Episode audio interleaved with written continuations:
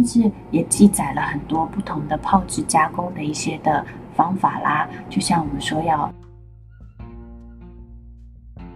呃，减毒或者是增效等等，那当然也有很多不同的剂型的一些的使用，可能有丸膏、单散不同的这样子的一个的方式，又或者是我们通常都说中医药用来的目的可能是预防疾病或者是治疗疾病等等，所以这一些其实都是所谓的中药，所以中药的定义跟范围其实是很广泛的，只是看我们从哪一个角度去讨论跟切入。那再快速的复习一下，老师说这个考试会考，嗯，会考，因为之前你们学长姐跟我抱怨说，老师你的题目出的太广泛了，所以我们都搞不清楚你到底要考什么。那我们来看一看这个药材的照片，老师说了，我们今天会补充很多呃照片来补足，可能没有办法实际拿到药材的这样子的一个的呃小遗憾。那这张照片，同学们看一下，这是哪一个药材？好，如果已经有呃答案的同学，它叫做陈皮，但是呢，它的特色就是它其实跟一般的陈皮不一样，它是广州新会的陈皮。我们可以看到这个陈皮的形态，它其实是有三瓣的，所以一般的呃陈皮的话，可能就是像我们平常的橘子皮，所以你可能剥的的时候，你会把它剥的。破破了、碎碎的，可是因为这个广州新会的陈皮，它的皮特别薄，然后他们在呃采收的时候，拿刀片轻轻的把它这样子刮开以后，它可以很容易的把它这样子去呃。剥取出它的皮哦，所以它的形态跟一般的陈皮其实是不太一样的。那为什么我们用这个命名呢？所以它的意思是说，陈讲的是什么？就是老或者是旧。所以我们说陈皮要放越久，它的价值可能会更高。所以这个是在四年前，老师跟静传老师去。呃，广东开研讨会的的时候，顺便去看了一下这个呃新会的陈皮，所以那时候你们可以看到，在这个价钱上面有看到老师四年前的价格，大概就是五十克的呃重量，大概就要一万五千块人民币，所以老师现在的。当年的陈皮其实就越来越值钱了，那所以这个虽然是开的是玩笑话，但是老师就是要让你们知道，其实中药的范围，不管是它的名称、定义等等，其实都是很很广泛的。那所以看到这张照片的时候，我们就可以看到，在每一百。哎，一公斤的话，以一百一十万人民币拍出，这个是将近一百年的陈皮了哦。好，所以刚刚老师说题目会考，会考什么嘞？老师可能会出一个题目，叫做如果是因产地而得名的药材，可能有类似川穹啦、广陈皮呀，或者是剑泽泻呀，甚至藏红花呀。这样有理解老师的意思哦，因产地而得名。那季节的话，你们可能会看到像是夏枯草啦，或者是半夏啦，或者是麦门冬啊等等，这种就是跟根据季节得名的。那又或者是像是形态的话，可能像是有人参啊，人参就是因为长得很像人嘛。那又或者是之前老师有说过，呃，像是地黄啦。沉香啦，这种会沉下去，因为它的形态的关系。那颜色相对就简单啦，像是黄连、黄芩、黄柏啦、红花啦、赤芍啦、丹参啦、白芷啊、白术啊等等的这些。那气味的话，当然也有很多，就像考试的时候有像是茴香啊、丁香啊。臭的的话，可能也有像是鱼腥草啊、败酱草啊。等等，因气味而得名，又或者是有一些甜的甘草啊，等等哦，所以这一些都是老师期待你们借由更多的不同的一些的印象去加深什么是中药，所以用药部位就更简单啦，根的葛根啊，或者像老师上次问你们的桂枝、桂皮等等，这一些都是跟药用部位。有关系的哦，那像是其他的，我们就可能会像有些功效有防风啦，或者是诶，王不留行了，诶，以后我们在上炮制课的的时候，其实会再讲到。所以老师只是说，有很多不同的一些这样子的名称，其实是组合起来，就是我们一些中药的相关的一些的呃知识跟能力。那今天我们主要的是要讲的是它的作用跟功效。那但是我们就要先想一想。人为什么会生病呢？主要的话就是有一个叫做所谓的三因学说，三种不同的原因。第一个原因叫做外因。什么是外因呢？讲的就是根据外在的一些的影响变化而造成的一些身体上面的呃疾病的可能那个的产生。所以什么叫做外界的呃改变？所以我们可以看到，这叫做六气。六气的意思讲的是正常的季节的转换，我们就说啦，春天比较容易有起风，季节的变化比较大；夏天就会有暑，就是有热。那如果是长夏的话，就是在夏天梅雨季的的时候，或者是台风的时候，就容易有一些更多的火。或者是更多的一些的湿，而到秋天的时候，通常都会有比较干燥的一个的感觉，甚至有可能有皮肤出现一些干痒的那种瘙痒的呃症状哦。那冬天当然就是所谓的寒等等，所以正常的季节转换都会是所谓的六气，这就是节气的一些的关系嘛。就像我们前几天才过完冬至，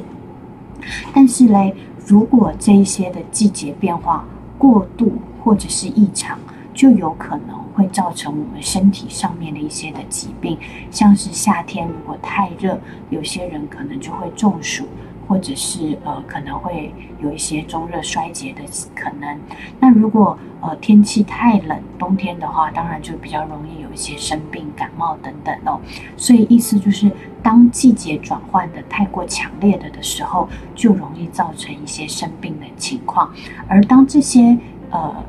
气气呃进入到身体的时候，我们就说它可能叫做六邪或者是六淫。有没有听过有一个很老很老的中药的名字叫做祛风邪？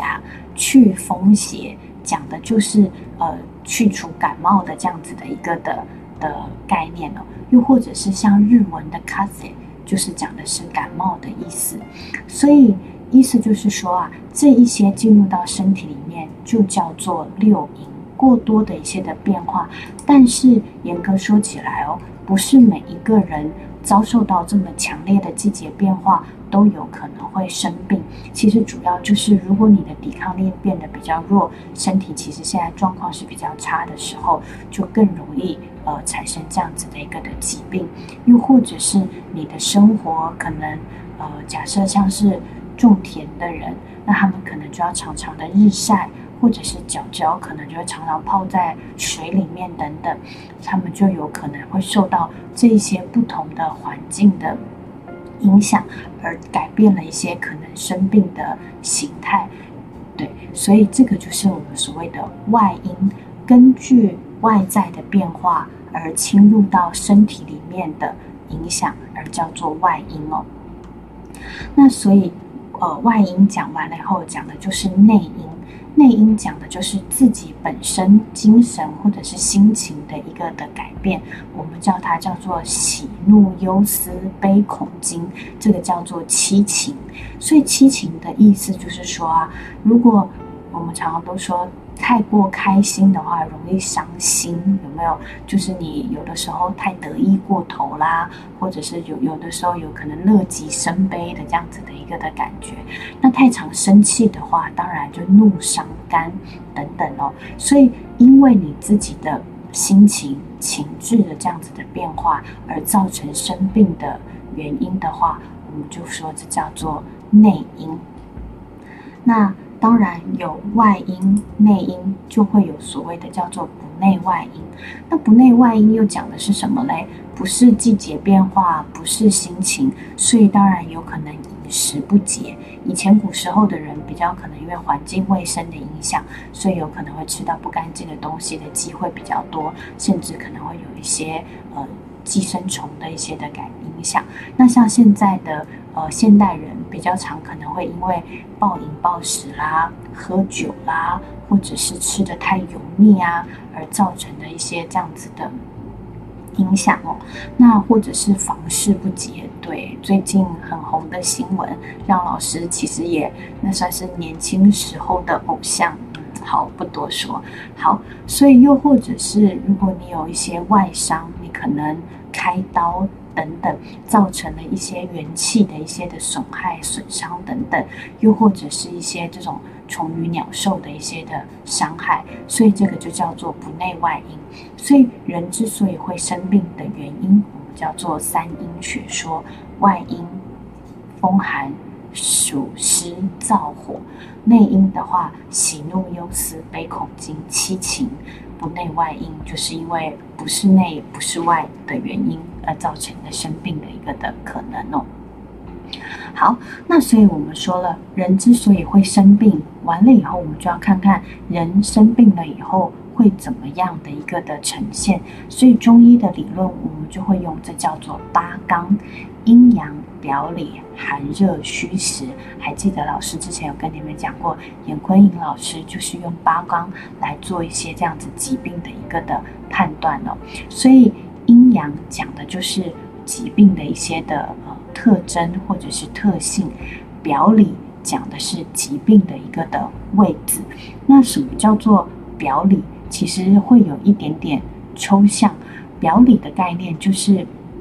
我们常常都说解表药，解表药讲的就是比较表表症外症的，就是。疾病还在所谓的表浅皮肤的这个的位置，所以像是皮肤啦、神经啦、肌肉关节疼痛，都是比较表浅的一个的概念。那有没有温里药？温里药讲的就是可能是我们的消化道啦、内脏啦这些的一个的器官比较核心、比较中间的这样子的一个的感觉哦。那所谓的疾病的位置在半表半里的时候，可能就会是。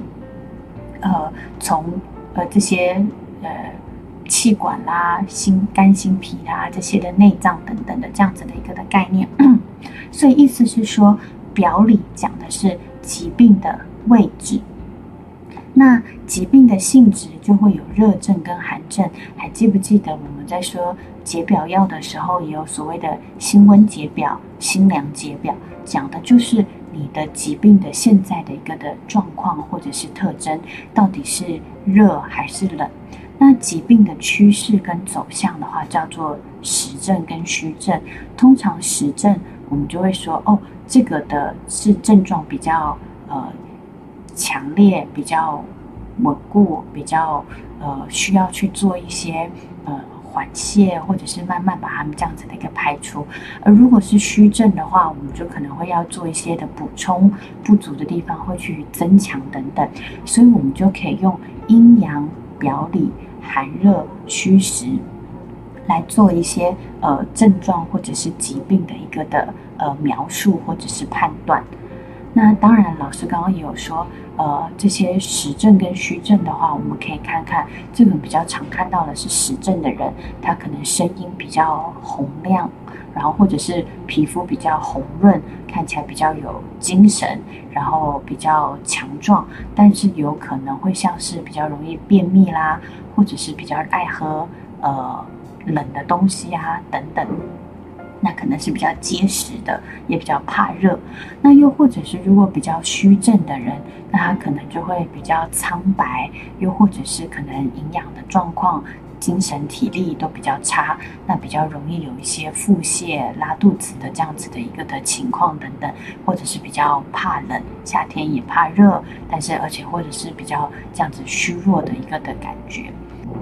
至于寒症或者是热症的话，通常就是呃疾病的这样子的一个的现象。我们判断好了以后，就可以用所谓的治热以寒、治寒以热的这样不同的一个的药物的一个使用。又或者是你可以根据你平常的生活习惯，如果像你比较真的比较怕冷。或者是你比较喜欢喝热的东西，那你可能就会是比较寒症的体质，又或者是你现在处于一个寒症的一个的状态哦。那又或者是如果你常常可能吃了东西很容易饿，或者是你吃了东西呃很容易一直有胀满的感觉，又或者是你常常已经到了要吃晚餐的时候打嗝，都还是中午韭菜盒子的味道等等，所以这种可能就会是比较虚弱的一个的体质，所以。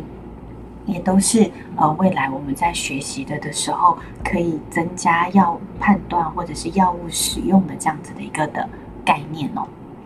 好，所以我们接下来就讲到中药的这样子的一个临床应用。所以我们都知道，中药在使用的时候，通常不会单一个。单一味药来做一个的使用，所以通常都会利用了一些所谓的方剂或者是药物的一个的组成。但我们一开始就要先说了，那医师到底是怎么样去做呃病人的刚刚讲的呃阴阳表里寒热虚实这样子的一个疾病走向的一个的判断嘞？所以我们就叫做四诊，叫做望闻问切。我相信孩子们都有呃多少会有听过这四个字哦，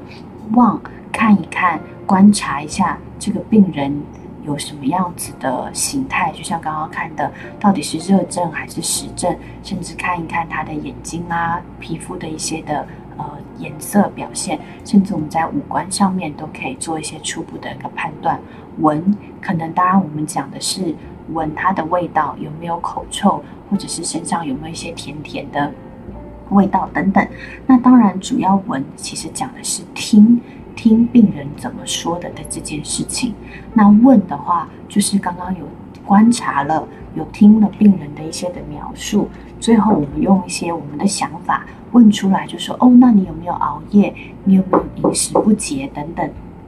好。接下来我们就要说，到底中药怎么样去做一个应用哦？我们都知道，中药常常在使用的时候不会单一味药来做使用，通常都会有一些不同药物的一些的组成，叫做方剂。那但是中医师到底怎么样去做这样子的一个的不同药物的一个的配伍或者是呃使用呢？所以主要就是要有四诊，叫做望闻问切。望叫做。观察这个病人的一个的形态，就是他有可能会有一些刚刚讲的实症、虚症的这样子外观形态。那又或者是你可以看一看他的五官，诶，眼睛是不是黄黄的，或者是眼睛有没有血丝，舌头有没有一些舌苔等等。然后甚至常常就会拉拉你的耳朵啦，看看你的皮肤啦等等，这叫做望，叫做观察。闻的话，当然主要你可以说是闻它的气味。有没有口臭，有没有体臭等等，但闻主要是用听的，听听看病人有什么描述，听听看他有什么样子的一些的主诉，今天为什么要来看医生？那问的话，就是当我观察了，当我听懂了你在说什么，我还是心里有一些疑问。诶，你平常的饮食是怎么样啊？那你有没有一些呃什么样子的特征？你是不是撞到容易呕？都可以借由问。再来做心中的一个的确认，最后才用切，所谓的切叫做诊脉。所以，我们常常有时候去看医生哦，你都会跟他讲说：“哦，你应该呃把脉就知道我的身体状况啦。”所以问你什么的时候，你都不说，然后问你你为什么今天来，就说：“嗯，还好。”所以。不要考验你的医生哦，所以我们通常都说了，这叫做望闻问切，切只是最后的一个评估跟判断的方法，它并不是所有中医诊脉的一个的，就是诊断的一个全部。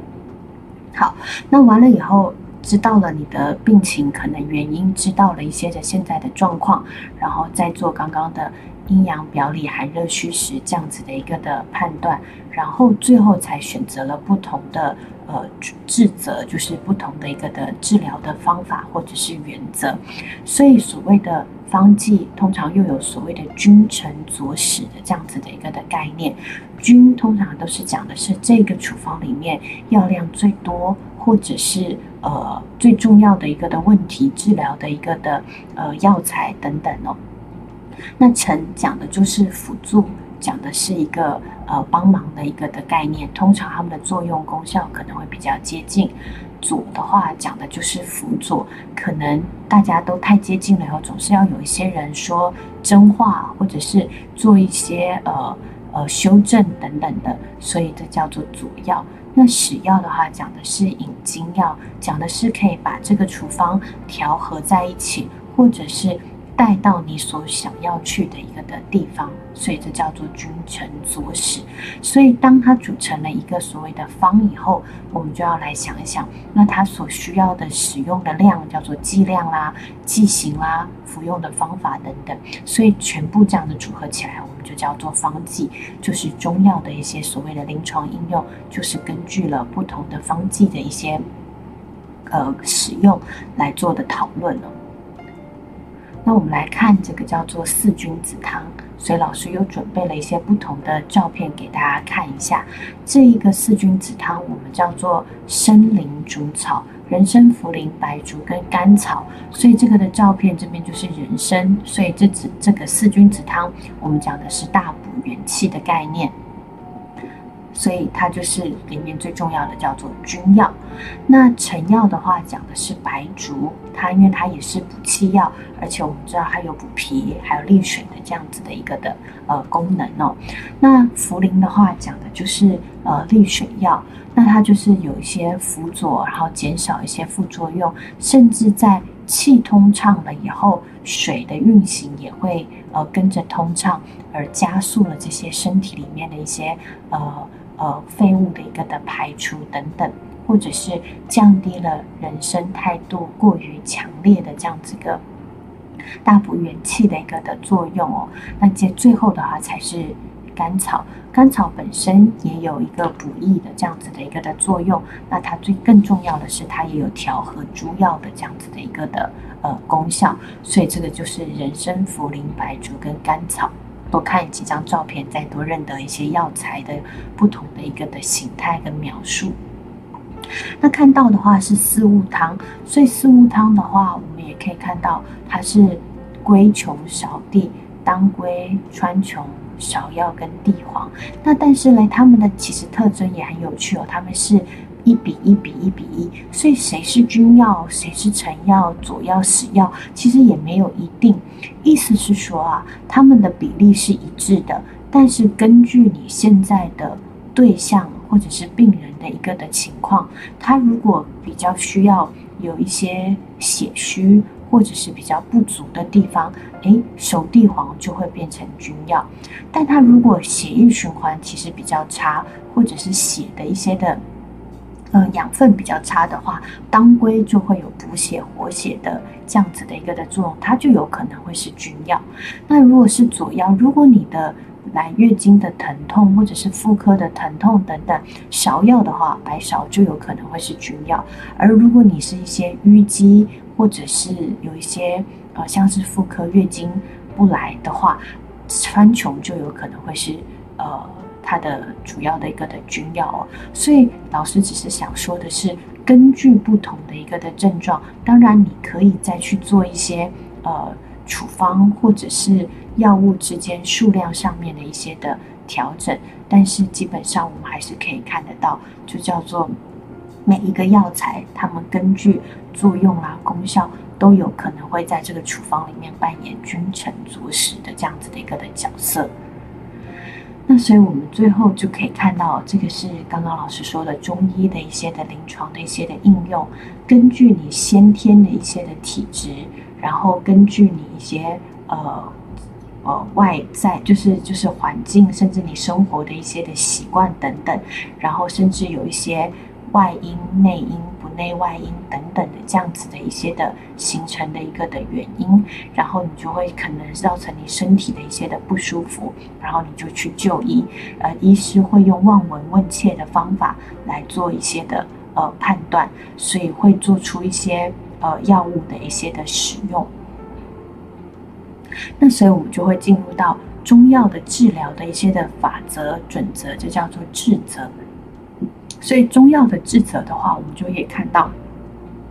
疾病的主次先后轻重缓急，讲的意思到底什么是原因，或者是我现在到底哪一件事情比较重要？虽然我知道原因是什么，但是你现在在大出血啊，所以止血这件事情反而就是比较重要的。你现在昏迷，我现在把你救醒，维持你的生命的迹象等等，所以他就会根据。你发病的一些的原因，或者是现在的一些的原呃轻症状，我们要去做不同的一个的判断。所以治病求本，然后就是要找到原因。但是如果现在很急的话，就要先赶快把标讲的是什么，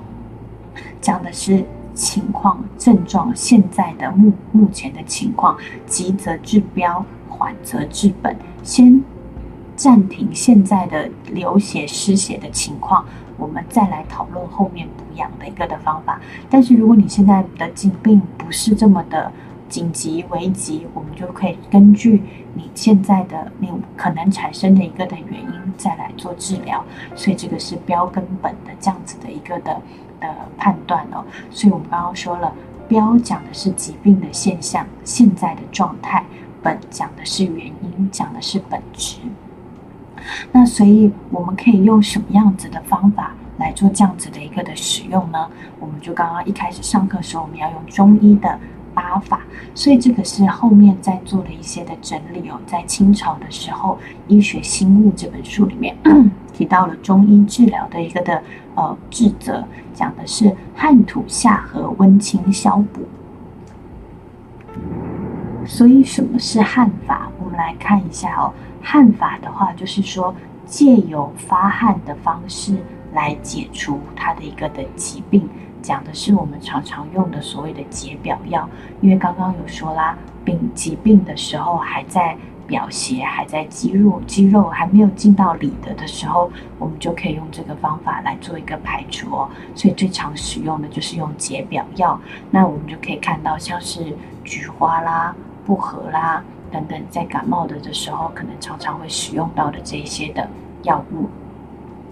接下来看到的吐法。那现在其实，呃，使用吐法的机会相对比较少一点点，但是因为以前常常都会有一些呃误食，或者是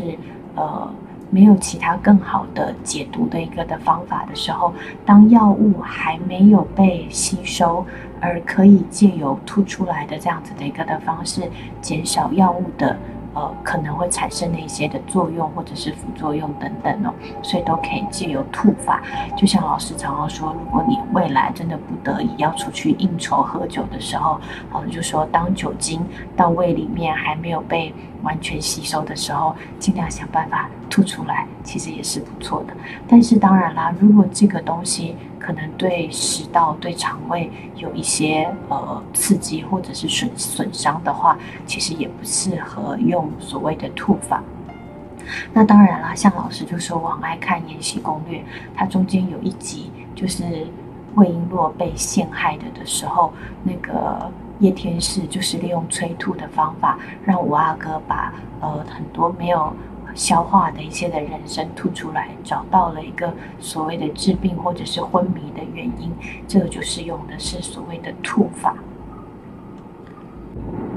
接下来看到的是下法，下法的呃其实是很容易想象的，我觉得这边可以看到一坨便便，所以就变成是刺激肠胃的蠕动，然后把。这些病征病灶是积聚在我们的肠胃道里面的话，就可以利用这种所谓的下法把它排出。那下法的药物常用的可能会是像是泻下药啦，或者是利水渗湿药啦等等，去做这样子的一个的病邪的一个排除哦。然后，但是嘞，它可能会对于一些体弱的，或者是你呃年长的，或者是甚至。怀孕的，甚至你在月经周期的的时候，因为它这个比较容易，呃，伤害到我们的元气或者是正气等等，所以在使用了的时候，也要稍微做一些不同的，呃，评估。接下来看到的合法，合法其实讲的有一点点抽象，讲的是调和，所以它可能是什么样子的调和，可能是。表里的调和，可能是补跟泻的调和，可能是寒热的调和，所以我们常常都说中医一直都在讲求的一个平衡的个概念的的时候，所以它就可能又会是一种阴阳的调和等等，所以我们就说，就像刚刚在讲到的，呃，剂型的使用里面的话，君臣佐使，其实他们一直也都是在讲的是一个。呃，这个方剂里面的一个的调和，所以这个方剂里面同时又有呃泻的，又有补的。我们假设有一个药处方叫做温清饮，然后它的温是用原来四物汤的处方，清用的是黄连解毒汤。黄连解毒汤就是黄芩、黄连、黄柏再加上栀子哦，所以四物汤是比较温热的，黄呃温呃清黄连解毒汤这些清热药的是比较寒凉的，所以它就是一热一寒。或者是一温补一泻的这样子的方法去做一个疾病的调和，所以我们通常也不会让它一次泻的太多，又让它有一些补充的这样子的一个的概念。这个老师多花一点点时间做这样子的一个解释哦。那接下来看到的温法的话，我们就说了，寒者热之，热治寒以热。刚刚有说啦，需要一些温里药，所以就变成是，如果我们手脚比较容易冰冷，或者是呃我们本身的肠胃道比较虚弱的的时候，用温的方法，或者是去寒，把身体里面的寒邪、寒气去除。哎，这个在《延禧攻略》的的时候也有也有教哦，就是皇后娘娘原来。呃，因为生了小孩以后，身体的元气大受损伤，所以她常常晚上的时候就会一直觉得很冷。所以这种时候，她通常都会是一个比较严重的痼疾，就是比较沉重的一个疾病。所以我们可能会用一些驱寒药啊、温中散寒的方式来做这样子的一个的治疗，甚至也有一些叫做回阳救逆、温和祛寒的这样子的一个的效果。那接下来看到的清法的话，就会是刚刚我们的温法的相反，叫做热者寒之，治热以寒，用比较寒凉性的一些的药物。去除掉身体里面的这个的热气，所以像刚刚老师讲的那个黄连解毒汤里面那四味药材都是很常见的。我们的清热燥湿或者是清热泻火的这样子的一个的药物的时候，它就可以解除因为有一些感染啦或造成的这些发炎发热的一个的情况，又或者是身体的热性的一个的体质，像是它比较容易口渴、烦躁，甚至便秘的话，也。都会，或者是就像刚刚老师说的，有一些口臭，甚至有一些，呃呃，就是身这些身体里面比较多的热气，就可以借由这种清热药来做一个的使用，又或者是我们平常可能可以喝一些凉茶啦等等去做一些呃使用哦。那所以他们常常也会看到会有一些喉咙痛啦，或者是口角。眼口破啦，或者是那种心情烦躁的这样子的一个的情况。那接下来看到的消法，那消法老师也觉得要比较呃花一点点时间去理解哦。所以坚者消之，结者散之，讲的意思就是身体里面有一些这种停滞不前的东西，但这是什么东西会停滞？气血痰。这讲的痰讲的是水的意思哦，讲的是我们身体里面这些会流动的一些的东西都有可能淤积或者是累积下来，所以像是气滞的话，我们就可以用一些像是理气药；血滞的话，我们可能可以用一些活血化瘀药；痰的话，可能可以用一些呃止咳化痰药或者是利水渗湿药。那当然，如果吃的东西在肚子里面停留，我们可能就可以用一些所谓的消食化积药。所以这样子的一个的消法，虽然也是跟下法有一点点相似哦，但就是把这些停滞的的东西，用不同的方法让它减少，让它缓解。所以。这不太一样，但是下法的话，其实比较针对的可能是像是肠胃道，呃，干燥粪便的这样子一个的机制，或者是就像刚刚说的，呃，利水渗湿药也可以把多余的这样子的一个的水分去排出的动作。那接下来我们就看到的是最后的一个是补法，那补的话基本上就是不足的东西都要把它补回来，所以就像。呃，之前那些老师在上课的时候也有讲到啊，我们气不足就补气，血不足补血，甚至还有一些滋阴补阳的这样子的一个的药材。那这一类的药材，通常他们都比较药性比较温和，或者是比较呃对，或者是比较甘甜，然后去做一些这样子的一个补益和调节，或者是补充。所以阴阳气血不足，甚至脏腑之间的一些的亏损，都可以使用补法来去做一些身体的呃抵抗啦，或者是这些呃平衡。所以刚刚老师就有说啦，六气的变化，但是不见得所有的人都会成为六淫，造成身体的呃。疾病，但可能也是因为你本身元气或者是功能的一些的失调失衡，然后所以造成的这样子的一个呃抵抗力比较差而容易生病的这样子的一个的感觉。所以常常人家都说中医是治胃病，还没有生病的的时候，所以就可以拿来做一些不同的体质的调养，然后让你在下一次。呃，季节转换也好，或者是可能受到疾病的伤害或威胁的时候，有更好的抵抗的能力哦。好，那接下来的话，我们就来介绍一下，或来看一看所谓的中药这个八法汗和下土温清消补的这样子的一个呃不同的方子吧。那他们所使用的的方剂的话，我们也可以分成。呃，二十几种不同的这样子的一个方方法，所以像是发表啦，发表剂就是汗法，我们刚刚有说了，用驱汗、驱外呃驱散外感风邪的这样子的方式，然后去除所谓的表症，我们就会解表剂或者是常用的这些。那涌吐之剂，刚刚有说了，用催吐的方法是呃还没有吸收，还没有呃进入到身体里面循环的这些的。呃不好的东西把它催吐出来。那公理之剂刚刚讲了理，讲的是呃药呃病的一个的位置嘛，所以可以借由这些泻下药啦、利水药啦，去把身体里面的这些的机制比较呃累积在消化道里面的这些的呃东西，把它做一个排出。那表里之剂，就像刚刚有说的，同时具有解表。跟呃公理的这样子的作用，和解剂讲的是刚刚的合法，又或者是它的病的位置可能很尴尬，在这些脏腑之间半表半半理的概念哦。那理气之剂刚刚讲的类似像是消法，所以气滞气行不顺的时候可以用理气药。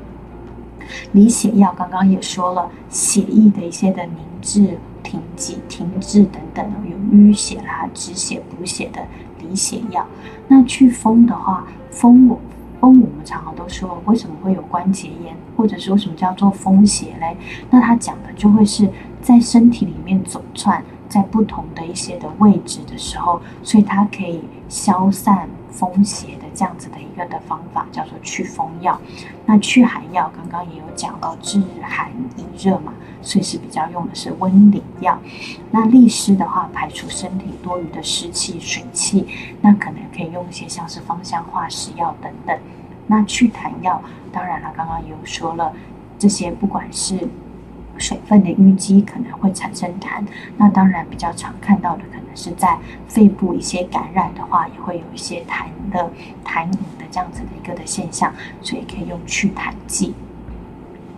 那泻火之剂，我们就说用的是比较多的这些清热药；清暑之剂也是比较多的这些清热药的一些的使用哦。那润燥的话，刚刚有说啦，它可能比较滋阴凉血，然后可以有一些补阴的一些的这样子的一个的作用，把身体的一些的呃水分留下来，然后降低身体的一个的燥热。那开窍药可能会有一些。呃，昏迷啦、意识啦等等的这样子的一个药物的使用，在《后宫甄嬛传》里面，我们就常看到会有一些什么，诶，麝香啦等等，就是常常做的这些开窍，所以它就可能会有一些流胎、流产、滑胎的一个的作用哦。那镇静安神也是把一些比较容易，呃，像是痉挛啦，或者是癫痫啦。等等的，甚至是一些情绪的不安定等等，我们就可以用的是安神药，像是酸枣仁汤，那补养之剂就刚刚说了，补益身体里面各种的不足。那消导刚刚也有说了。对于呃食物的一些的机制等等哦，那收敛收涩，我们有可能用的是像是一些固涩药，把发散的这些的气、水、邪等等，去把它做一个停留在身体里面的一个的动作。那杀虫这个现在我们相对少用了，可能有一些寄生虫的一个的使用。那像是老师养的是浪猫，所以带回来的时候，第一天就会吃那个。驱虫药，所以有一天半夜的时候睡觉被枕头旁边的便便臭醒，然后去处理它的便便的时候，就可以看到好多小虫虫在里面。这是我第一次觉得哇，看到所谓的驱虫药的这样子的一个的哎画面。好，那当然啦，明目的眼睛，像现在我们每天都在使用这些三 C 产品，也是会用的很多，但现在。以前的话可能少一点点，但现在可能确实要用的一些多一些。那这些外用的一些的药物啦，甚至是一些妇科的一些的药物等等。好，那所以我们来介绍几类比较大大类的一些的品相，像是解表药、解表剂。所以刚刚又说了，主要是驱散外感的风邪，解除这些的表症，可以利用发汗啦。解除肌肉的酸痛、僵直、僵硬等等透疹，甚至是增加这些呃小的斑点、疹子的发出，因为这种都也是在表症嘛，因为它都比较明显的呃出现在皮肤的这些表浅的位置或者是现象，所以可以借由出汗解除酸痛。然后刺激这些疹子的一些的发散，而达到治疗表邪的一个的症状。好，那老师有说给你们一些小的考试，下列何种药材为辛凉解表药？我们可以看一下哦。第一个是什么药材？第二，A、B、C、D。如果同学们同时也在上课的的时候，来帮老师可以自己默默的做一下笔记。所以哪一个药材是辛凉解表？好，公布答案，答案是 D。D 的药材是什么？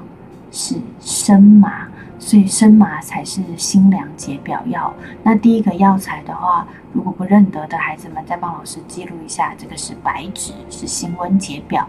B 的话也是是羌活，也是辛温解表。C 的话是防风，也是辛温解表，所以老师就说了，我因为你们比较可惜，没有实际的去看过这些药材，我们就多准备一些照片让你们做复习跟参考。那常用的解表剂的话，我们可以看到像是辛温解表，刚刚介绍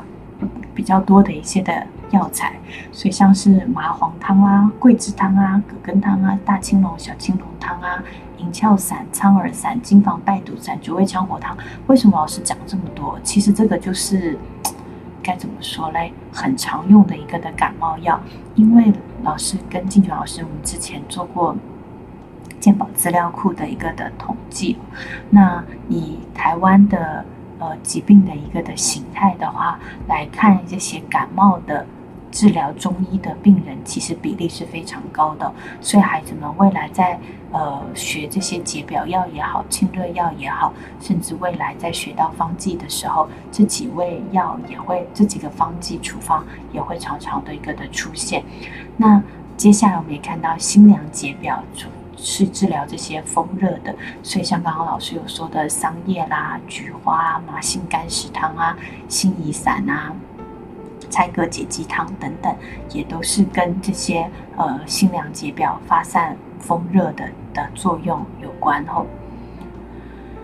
好，那我们可以看一下哦。老师刚刚说了，辛温解表、辛凉解表，又分别代表的是什么意思嘞？所以如果这个时候都是感冒，但是感冒了的时候，你比较容易有喉咙痛、发烧，或者是鼻涕黄黄的这种，我们通常都说是有一种。感染的感觉嘛，所以喉咙肿痛的话，它就会比较常使用的是像是这种辛凉解表，有抗菌、抗发炎的一个的作用。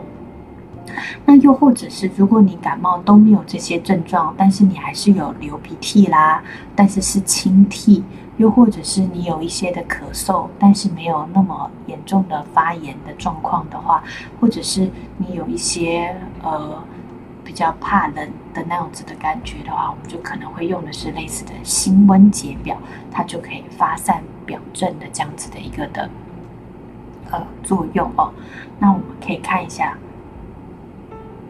辛温解表的话，我们可以看到这个是麻黄汤。麻黄汤的出点在《伤寒论》，比较常用的呃药材像是麻黄、桂枝、甘草跟杏仁。所以再复习一下，麻黄的话也是辛温解表，甘草呃桂枝也是行温解表药。那甘草的话是有调和诸药，或者是甚至有，我们也说甘草的生品，它其实也有。呃，治疗这些肺炎啊，或者是感染的一些的作用。那杏仁的话，当然我们就说它是止咳化痰、润肺止咳的这样子的一个的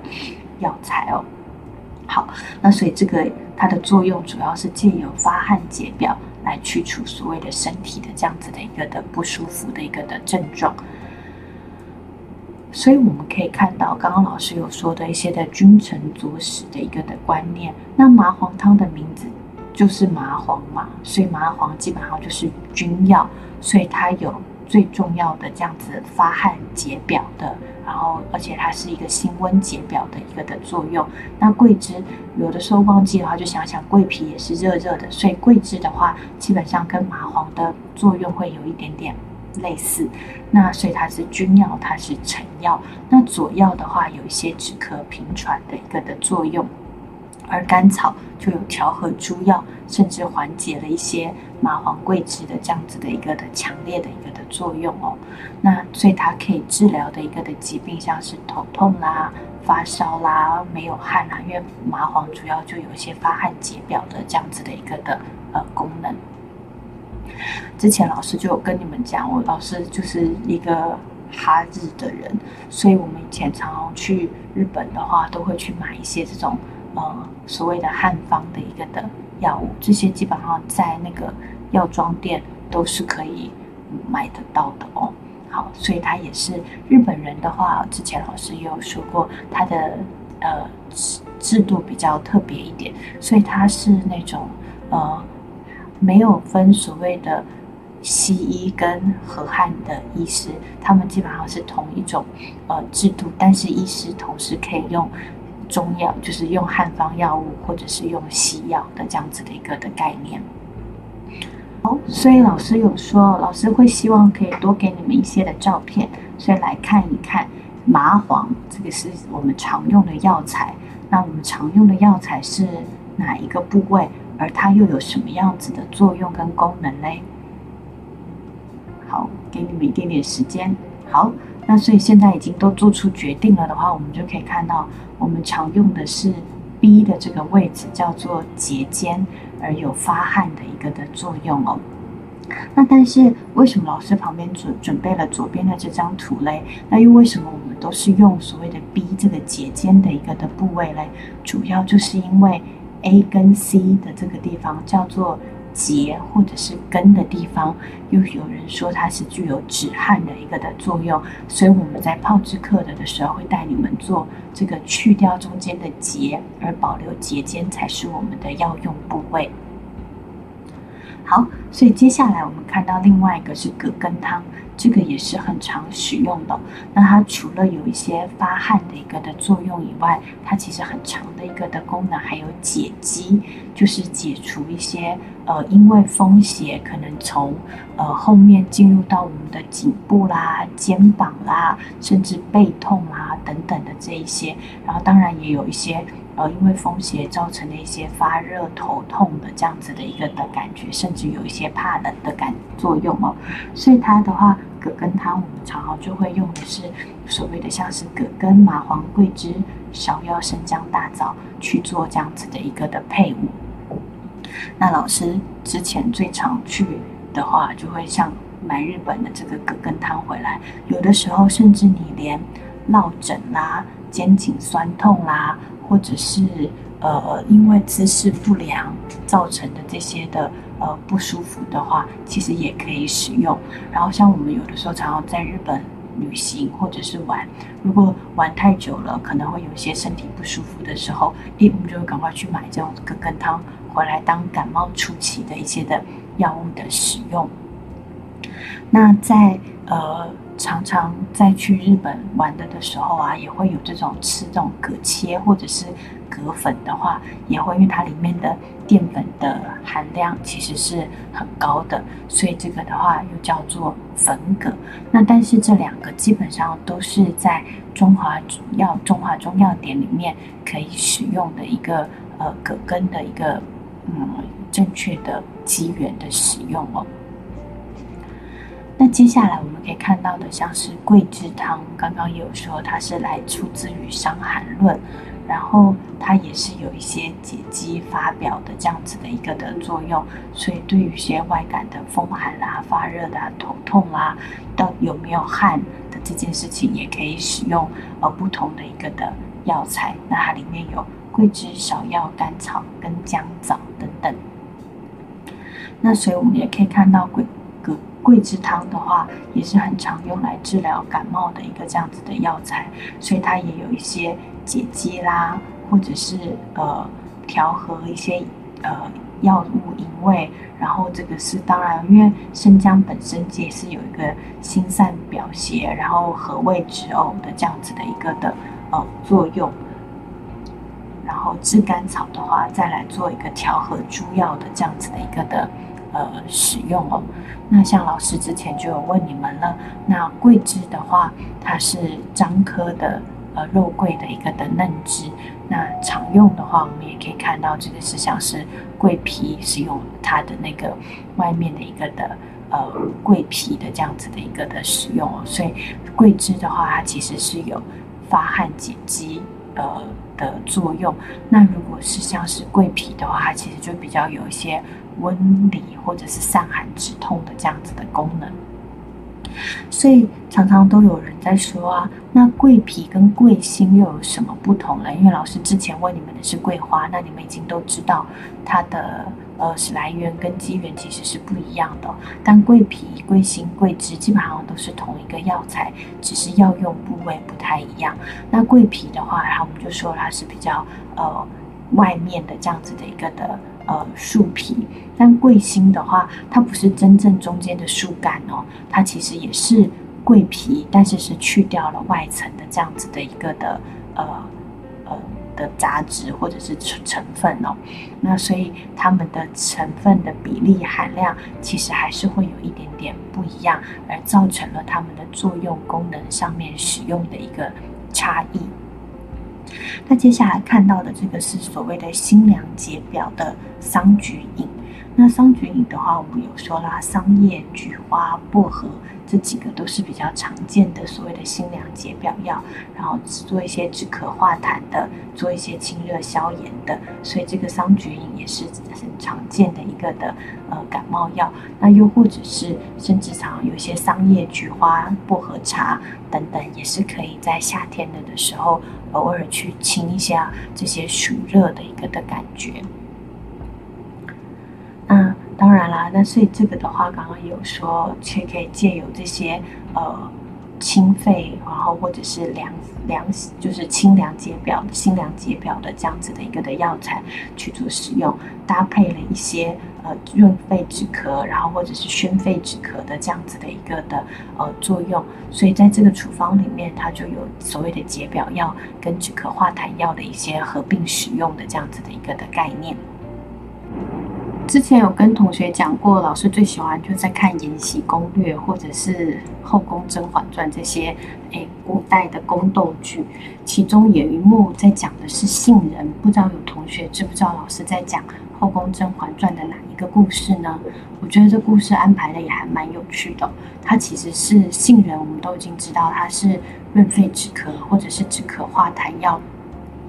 但是嘞，其中有一段它是说的是黎妃说想要吃苦杏仁，不知道大家知不知道？黎妃讲的其实是这个安陵容。然后嘞，她当初的名字是那个甄嬛。帮他取的，他就说他最多也只是皇上旁边唱歌的小鸟而已，所以给了他一种呃，反正就是一个打压的这样子的一个感觉。所以他原来为什么是在皇帝身边唱歌的小鸟，就因为他是一开始的时候是用曼妙的舞姿、美妙的歌声去吸引皇上的。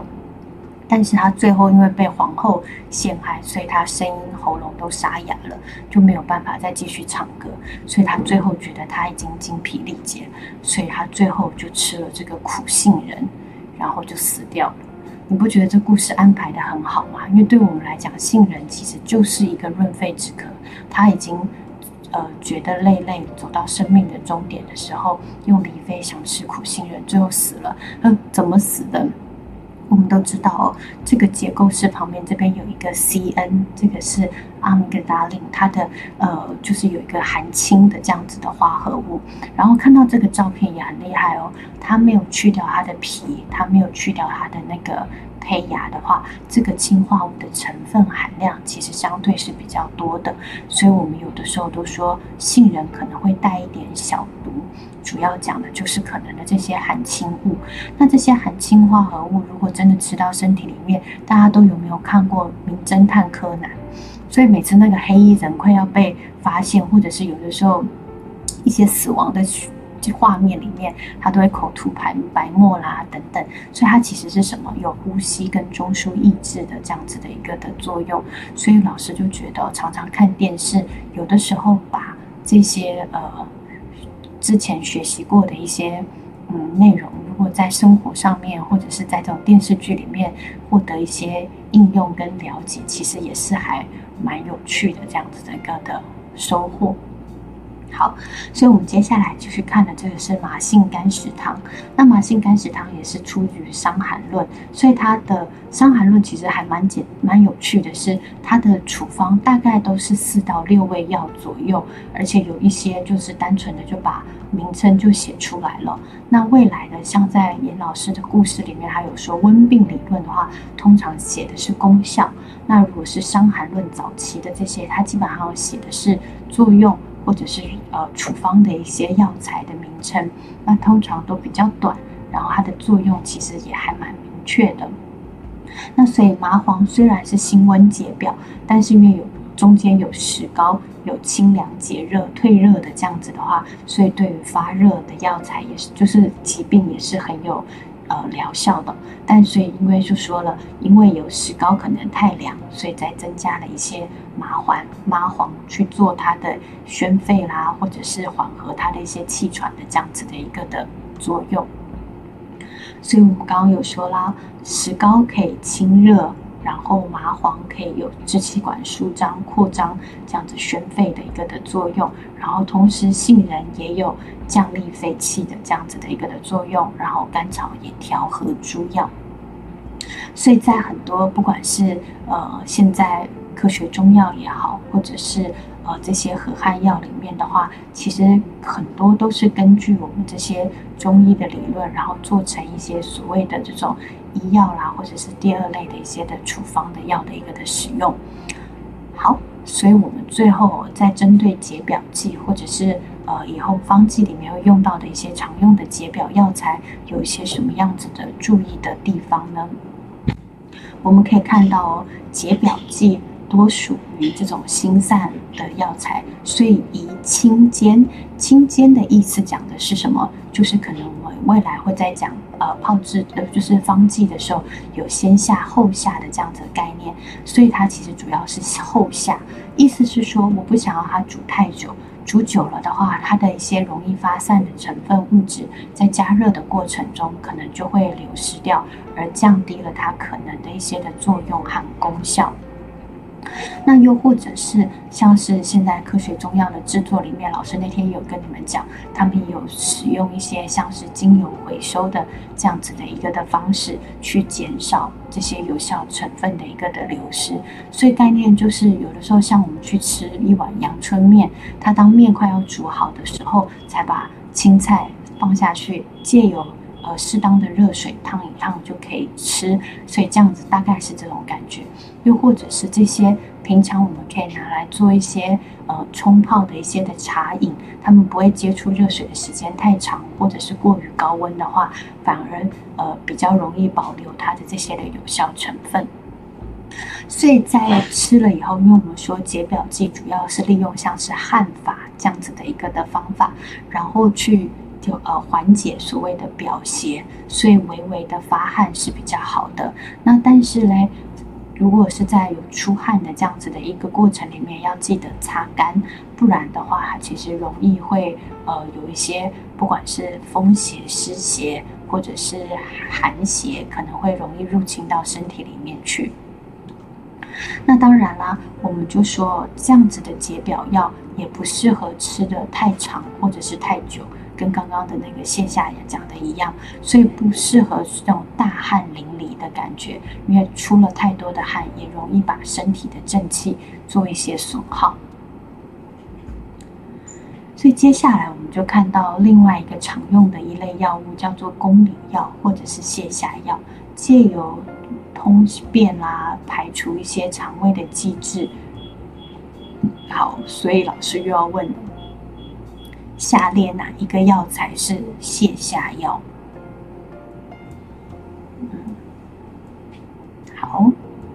好，都回答好喽。答案是 A。A 的药材是什么？是火麻仁。因为我们都说很多。种子类的药材其实是具有一些泻下或者是缓泻的一个的作用，因为它呃油脂分泌比较高，所以有缓泻的一个的作用。之前也有说火麻仁其实是呃大麻的种子，所以它的那个润燥滑肠的一个的作用也是很好的。那 B 的话是蛇床子，C 的话是车前子，来帮大家再做一下复习。好，那所以常用的泻下剂的话，就有像是大承气汤、小承气汤、调味承气汤，或者是大黄附子甘草汤等等。所以我们就知道，其实最常使用的大概就是像以大黄为首的这些的呃泻下的一些的药物。所以大承气汤的话，我们可以先看到它也是出于《伤寒论》，然后里面的。药材像是大黄、芒硝、厚朴跟枳实，那它主要的话可以有一些湿热，然后软软，就是让这些比较呃坚硬的一些的便便，呃比较疼痛的一个的腹部胀满的这样子的感觉，让它呃泻下哦。所以大黄的话就有攻食泻下。马芒硝的话有软坚润燥的这样子一个作用，但是除了下以外也不行啊，因为它会之所以不通，不是你只是把它通了也而已，你要去理解它为什么不通，所以这话要有搭配一些行气，然后消除这些胀满的一些的药材，所以厚朴跟枳实这样子的理气药就一起被呃加入在这个处方里面了，所以我们也可以看到。大黄跟芒硝，它们基本上都是泻下的一个的作用，而厚朴跟枳实主要的话就是理气行气的这样的作用，所以它把这些不通的东西去除掉了，同时这个也把不通的气也把它呃缓和了，所以让它的这个腹部的一个的胀满疼痛可以得到一个很好的缓解的作用。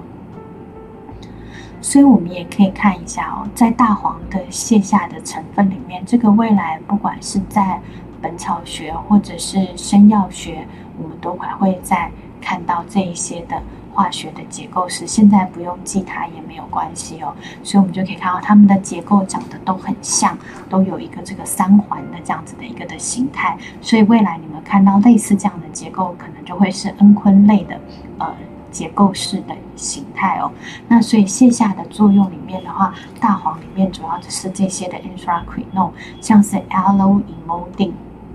allo 讲的是什么？是芦荟，所以这是芦荟大黄素。所以其实再再看看这个是 rain，这是大黄的名字 e m o d i n g 啦。所以慢慢未来你们再多把这些学名啦、机缘啦、成分啦去做一个结合的话，在呃，不管是未来，呃，药理啦，或者是泡制啦等等生药啊，都可以有很好的这样子的一个呃印象了哈。好，那这个的话是泻下里面另外一个很重要的，也是大黄的 anthraquinone 类的蒽醌类的成分，但它们比较特别的是，它们是刚刚看起来像是两个大黄素，它们结合在一起的，所以它们在泡制、在加热的过程里面会水解，然后它们就会变成一个单位的成分。好，所以接下来我们看到另外一个药材是芒硝，也在刚刚的大承气汤里面，所以它也是它是一个矿物的药材哦，是硫酸钠 Na2SO4。那所以它呃主要的这些呃的盐类的话，其实就是我们常用的一些的泻盐，因为它不易被肠壁吸收，然后有一些这种高的一个的渗透压。然后会让肠内的水分变得比较呃多，然后阻止肠内的水分被吸收，所以肠内的水分增加大了以后，用这种物理性就是直接性的方式去做一些呃软便的一个的动作。刚刚介绍完芒硝之后，我们就来看一下。呃，在介绍泻下剂的的时候，有讲到大承气汤跟小承气汤，所以大小我们就可以看到，它们其实可能是因为泻下程度有差。但我们来看一看它们的组成药材有没有什么样子的不一样。所以我们可以看到，在大承气汤跟小承气汤里面，其实相差的就是我们刚刚介绍的这个芒硝的药材。那但是除了芒硝以外，大黄、厚朴、子实，因为承气汤嘛，所以他们可能跟这些理气药也都还是有很大的一个相关。所以大承气汤因为增加了芒硝，有这些呃水分的一些的呃累积在肠道里面去做更好的。呃，泻下的这样子的一个作用，所以概念就有一点点像小承气汤，其实是皮卡丘已经是有很好的泻下的一个的作用了，但是增加了芒硝之后，就变雷球，就变得更厉害的这样子的一个的感觉哦。好，那所以大小承气汤基本上都是可以用在腹部充实、膨满、坚硬，就是有一些。便秘的这样子的一个的情况，但是主要的话，脉沉而有力，其实讲的就是，其实基本上是要元气足的。所以我们刚刚也有讲啊，这些泻下药其实是没有办法常常吃，或者是对于一些体虚或者是身体比较呃不适，或者是产孕妇、产妇等等的话，在使用上面要比较注意一下。好。那调味承气汤的话，它其实是把呃厚朴跟枳实换成了甘草，所以它其实是有大黄跟芒硝，所以它其实也可以治疗这些阳热结啦、软便通畅啦、和胃泻下这样子的一个的呃作用。所以有几个承气汤，它们其实组成很相似，但是它们的使用上面还是有一点点的差异的。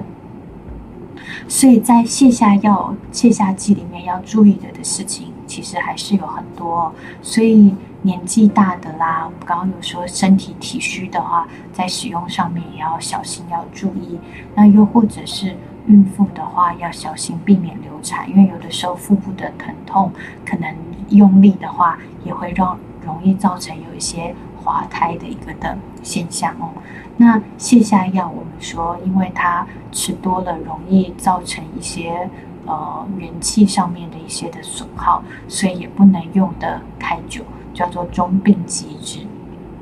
那当然了，吃的太油啦，不消化啦，其实也是要小心跟注意使用的。接下来我们来看一下润燥剂。那润燥剂的话，它其实就是我觉得它比较特别一点，它是想要把水分留在我们的身体里面，降低了我们可能身体里面太多的一些的热气，但又不是用比较强力的这种清热药去达到一个呃清除体热的这样子的一个的呃作用啊，反而是用一些水滋养滋润的感觉，有一点点像。已经晒干的土地，你除了把太阳移开或者是乌云遮住以外，最好还是要下一点雨再去滋润。所以老师觉得润燥剂的感觉是这个样子。所以现在题目来了，下列三种药材，哪一个药材比较适合当成润燥药？好，选好了吗？答案是 B。B 的药材是麦门冬哦。好，那所以 A 的话基本上是丁香啦，C 的话是五味子，基本上他们都一个是温里药，一个是固涩药，所以只有麦门冬的话是我们比较常用的所谓的润燥、润燥或者是滋阴润燥的这样子的一个的药材。但是燥的话，我们也可以来看一下哦，到底什么是燥？就是身体里面很热。那如果上中下三焦的话，上焦如果热，可能会就会有一些呃，就是就是有一些肺热啦，或者是容易干咳啦、喘气啦，所以这种就是需要有一些滋润，所以有清燥救肺汤。那如果中焦的话，那我们可能就用一些清热补血汤，或者是当归银子这些。那下燥刚刚就有讲了，就是像比较容易看到的一些便秘的话，我们就可以用一些这种软坚散软软软细缓泻或者是缓下的这样子的一些的药材。那但是就像我们就说，其实在季节交替的的时候，很容易长。这些疹子的话，其实像是当归引子啦，或者是消风散啦，其实也都是很好的呃药材。那当然，刚刚也有讲，除了有比较强烈的大小承气汤、调味承气汤的泻下之外，那麻子仁丸老朋友又来了，大黄、枳实、厚朴，所以他们其实是小承气汤的呃温和版。为什么呢？因为它又增加了火麻仁，因为种子类的话，它其实是是有比较多的一些营养跟养分，但是因为它也有一些呃润燥滑肠的这样子的一个的作用哦。那当然啦，杏仁的话，因为它也可以做一些这样子调和的的的事情之外，杏仁本身也是种子类的一个的药材，所以它也有这些的多的一些的油脂。可以来做一些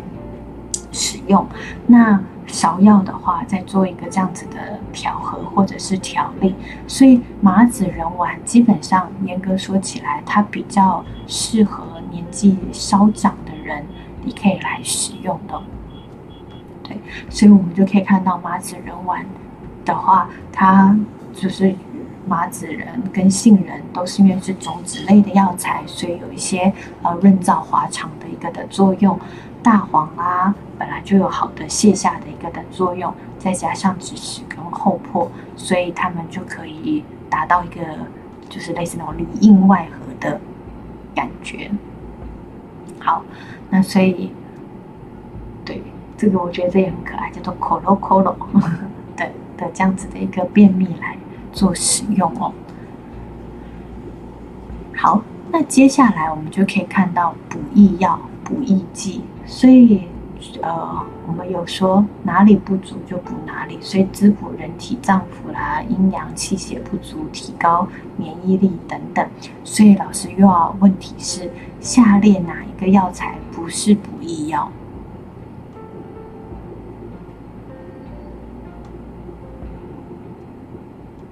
好了，都看好了。我们来看一下，是 A 五味子。好，对，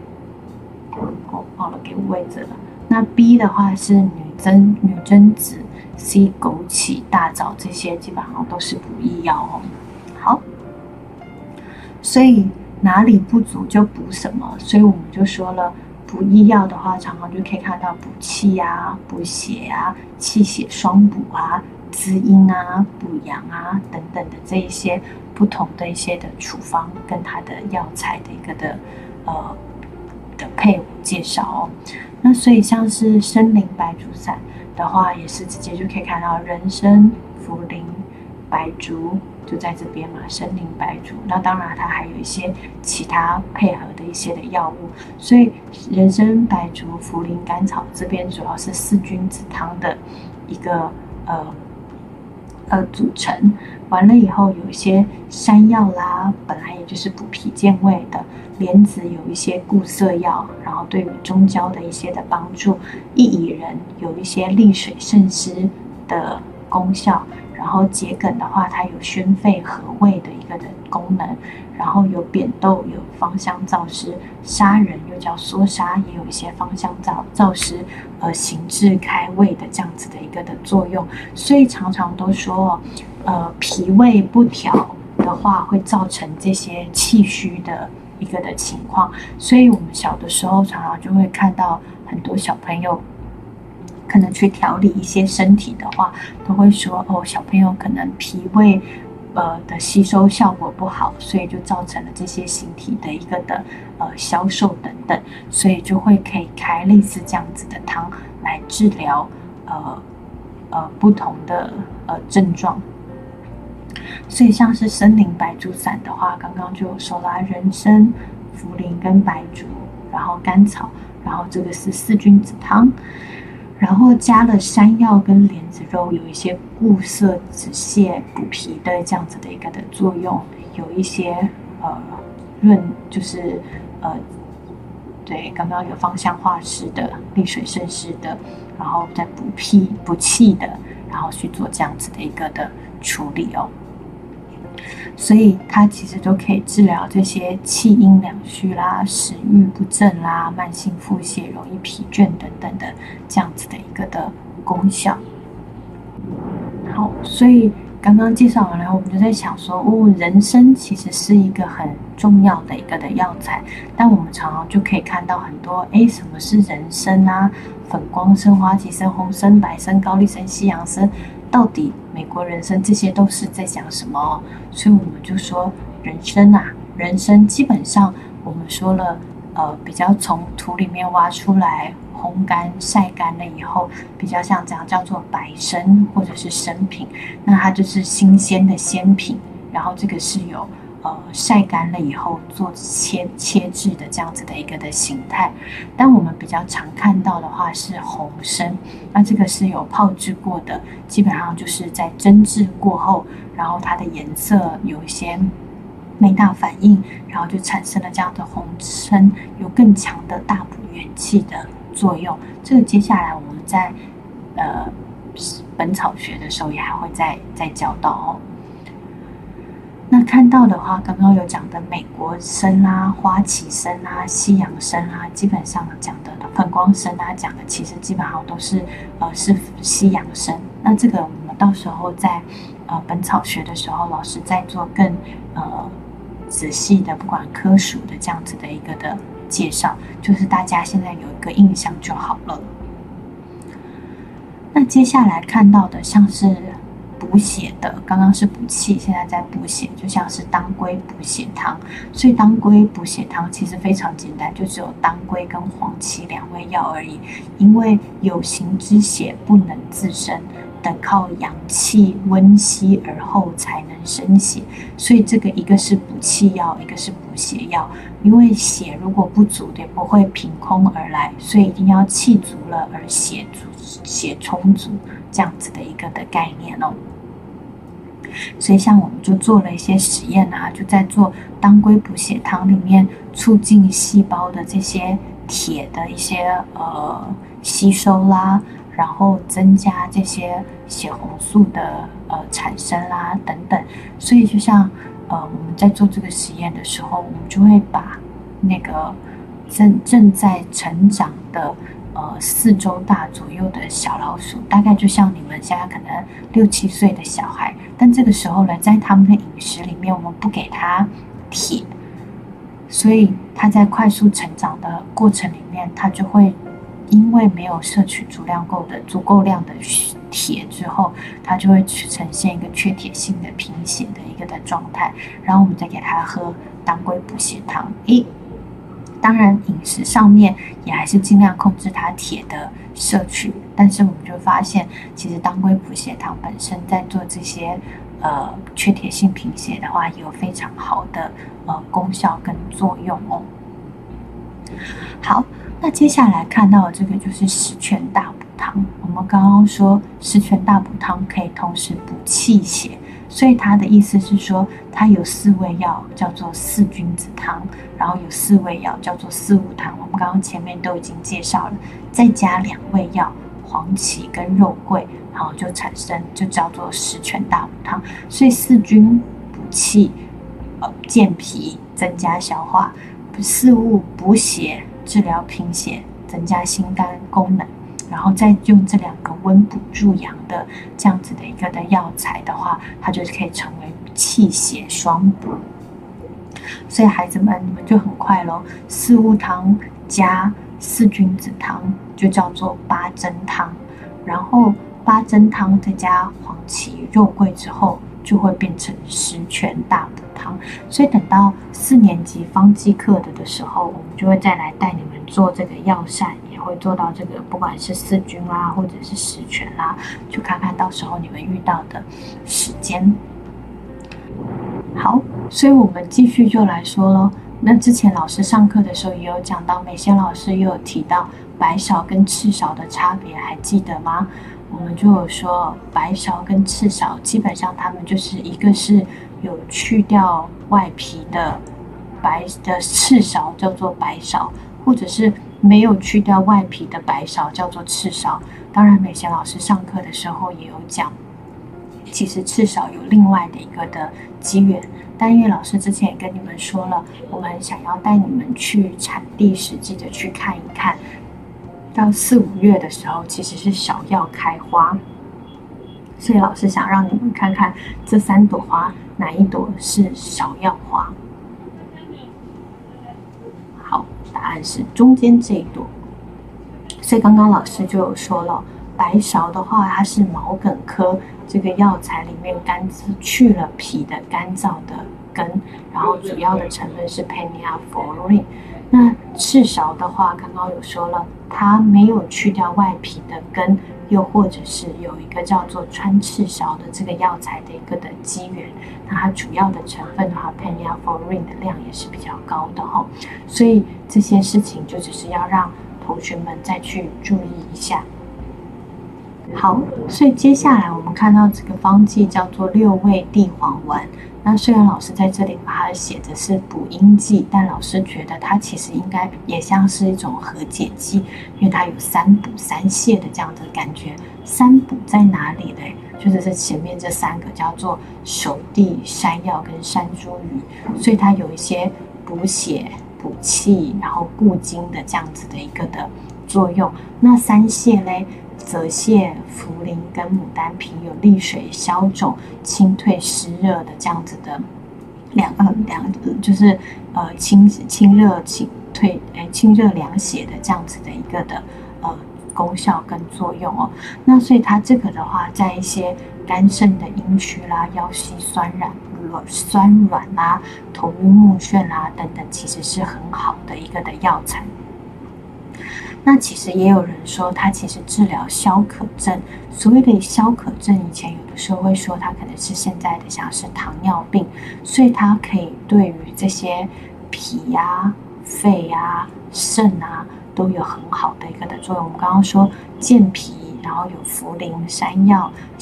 呃，清热泻火的话，有一些泽泻跟丹皮，然后滋阴固肾的话，有熟地跟山茱萸哦。